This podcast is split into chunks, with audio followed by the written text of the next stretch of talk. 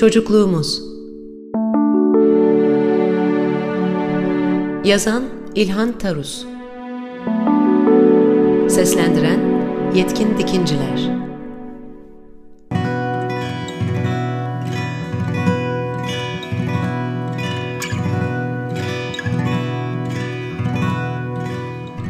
Bizim çocukluğumuz öyle sizinkiler gibi tap tatlı, pes pembe geçmedi. Öyle dağ taş, dere tepe koşuşarak, kırları kahkahalarımızla çınlatarak yaşamanın ve çocuk olmanın bütün tadını çıkararak büyümedik. Şimdi anlatışınıza bakıyorum da, acaba sahi mi diyorum içimden? Gerçekten çocukluk günleri hep böyle mesut mu geçmiş bunların? Acaba şimdi hatırlayabildikleri kadar mı rahattılar? Yoksa dost doğru, tamı tamına söyledikleri gibi gerçekten mesut muydular? O saadetlerinin üstüne gölge düştüğü olmaz mıydı? Sık sık tatsız hadiseler, ruhlarda kapanmaz yaralar açan düşünceler, hiç bitmeyecekmiş, sönmeyecekmiş gibi içlerimizde hala dipdiri yaşamakta ısrar eden tesadüfler, acılar yok muydu bunların günlerinde de? Nasıl da anlatıyorsunuz? İnsan okurken lezzetli bir meyveyi dilinde eritiyormuş gibi oluyor. Hasret dolu sesiniz, küçüklük günlerinden kalma hatıraların kırıntısıyla bile harekete geçmeye hazır sevinciniz. Ne güzel, ne canlı. Biz öyle miydik ya? Bizim çocukluğumuz, hayatımızın belki en acı, en tatsız, hatırlanmaya en az layık günlerine rastlıyor. Kırlar, dereler bizim için korkulu yerler sayılırdı. Yabancıların, düşmanların, bizi bekleyen, bize fenalık etmeye çalışanların yurduydu oralar. Değil yalnız, birisiyle birlikte bile şehir dışına çıkamazdık. Şimdi belki bundan dolayıdır ki açık havadan, dağdan, taştan iğrenirim. Hep insanlar arasında, kalabalık insanlar arasında yaşamayı isterim. Üstümüz başımız kirlenmesin diye oyunlarımızı gülünç basitliklere indirmiştik. Hiç eskimemek, solmamak, bozulmamak üzere alınmış olan pabuçlarımızı muhafaza etmek, küçücük yüreklerimizin en büyük davasıydı. Gömleğimizde görecekleri küçücük bir leke için bütün bir evin kapıları, pencereleri, direkleri ve eşyalarıyla üstümüze doğru eğileceğini, yıkılacağını düşünürdük. Parmakları açılmış kocaman ellerin gözlerimize doğru büyüyerek yaklaştığını unutamazdık. Fakir olsaydık neyse neydi. Hayır. Düşünüyorum da o zaman da düşündüğümü hatırlıyorum. Fakir değildik. Annemiz her gün başka çeşit bir entari giyerdi. Bizim limon kabuğuna dönmüş soluk mavi püsküllü feslerimizin yanında babalarımızın ipek gibi ışıldayan al fesleri vardı. Evimiz baştan aşağı halıyla döşenmişti. Kapı arkasında ayakkabılarımızı çıkarmak için iki kat olup tek ayaküstü nasıl uğraştığımızı, ter döktüğümüzü nasıl unuturuz? Ayaklarımıza daima bol gelen solmuş çoraplarımızla yabancı bir eve gizlice giriyormuş gibi girerdik evlerimize. Köşede gazetesini okuyan ve başını çevirmeden bizi görmekte çok usta olan babamız, beş yaşımızdan 19 yaşımıza kadar daima ve her gün aynı şüphe dolu soruyu suratımıza haykırırdı. Neredeydin bu saate kadar?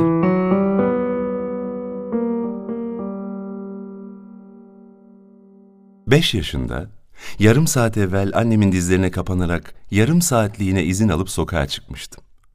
On yaşında bu izin iki saate ve sokağın köşe başı çevresine yükselmişti. 15 yaşında bitişik mahalledeki sınıf arkadaşlarımızla top oynamak için ancak ikindi üstü evden ayrılabilirdik.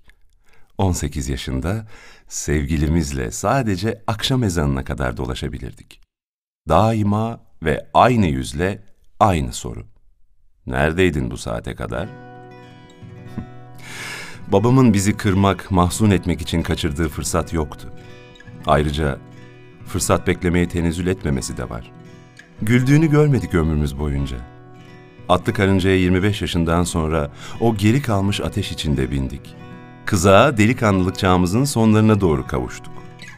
Bir kuzu için küçük kardeşimin haftalarca ağladığını unutur muyum? O da kuzuyu filan bildiğinden, sevdiğinden değil ya. Komşunun kızını almışlar bir tane, hükümet avlusunda otlatmaya çıkarırmış akşamüstleri. Bizimki de heves etmiş. Sünnet düğünümde babamın şerefi için yularını elime teslim ettikleri tayı ancak o gün bir defacık görebilmiştim.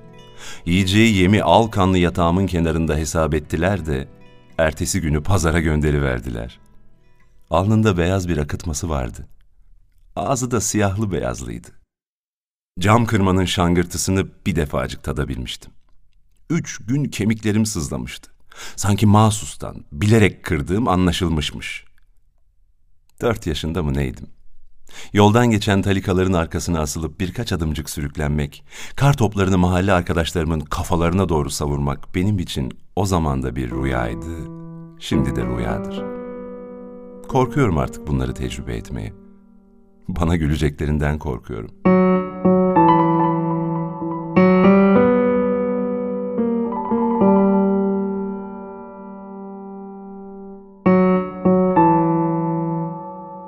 24 yaşında okuldan çıkıp Edirne'ye hakim olduğum zaman azma alaylara uğramıştım. Akşamüstleri işlerimi bitirip gizlice mahalleye koşar, anlaştığım birkaç akıllı çocukla uçurtma uçurmaya başlardım. Valinin kulağına gitmiş. İnanmamış, bir göreyim demiş. Sokağın başında, yanında defterdar, savcı, daha bilmem kimler beliri verdiler. Vali gülüyordu. Onu anlayışlı, babacan, tatlı bir adam olarak tanırdım. O haliyle daha da tatlılaşmıştı. Ertesi gün havadisi bütün hükümet konağına yayacağını bilir miydim? Bu adamlara nasıl anlatacağım, nasıl anlatmalıyım diye günlerce kafamı zorladım. Çocukluk günlerimden kalma bir sıkıntının, bir derin acının, bir ateş gibi hasretin. Bu adamlara nasıl anlatacağım, nasıl anlatmalıyım diye günlerce kafamı zorladım. Çocukluk günlerimden kalma bir sıkıntının, adam olarak tanırdım. O haliyle daha da tatlılaşmıştı. Ertesi gün havadisi bütün hükümet konağına yayacağını bilir miydim? Bu adamların şünde babanızı anlatan bir anne lazım olmadı mı size? Dolabında küçücük pembe avuçlarınızı vakit vakit ısıran bir kızıl değnek saklı, upuzun boylu, bıyıklı, gözlerinde birkaç belirsiz renk parıldayan bir baba olmadan çocukluk seneleri nasıl geçer? Kim bakardı size?'' Ekmeğinizi kim getirirdi? Bunu kazanmak için çektiği zahmetleri Tanrı'nın akşamı sofra başında iri sesiyle kim anlatırdı? Kafanızı göğsünüzün üstüne eğe eğe dinlediğiniz bu korkunç hayat hikayelerinden aklınızda kalan bir şey yok mu? Ne diye onları da yazmazsınız?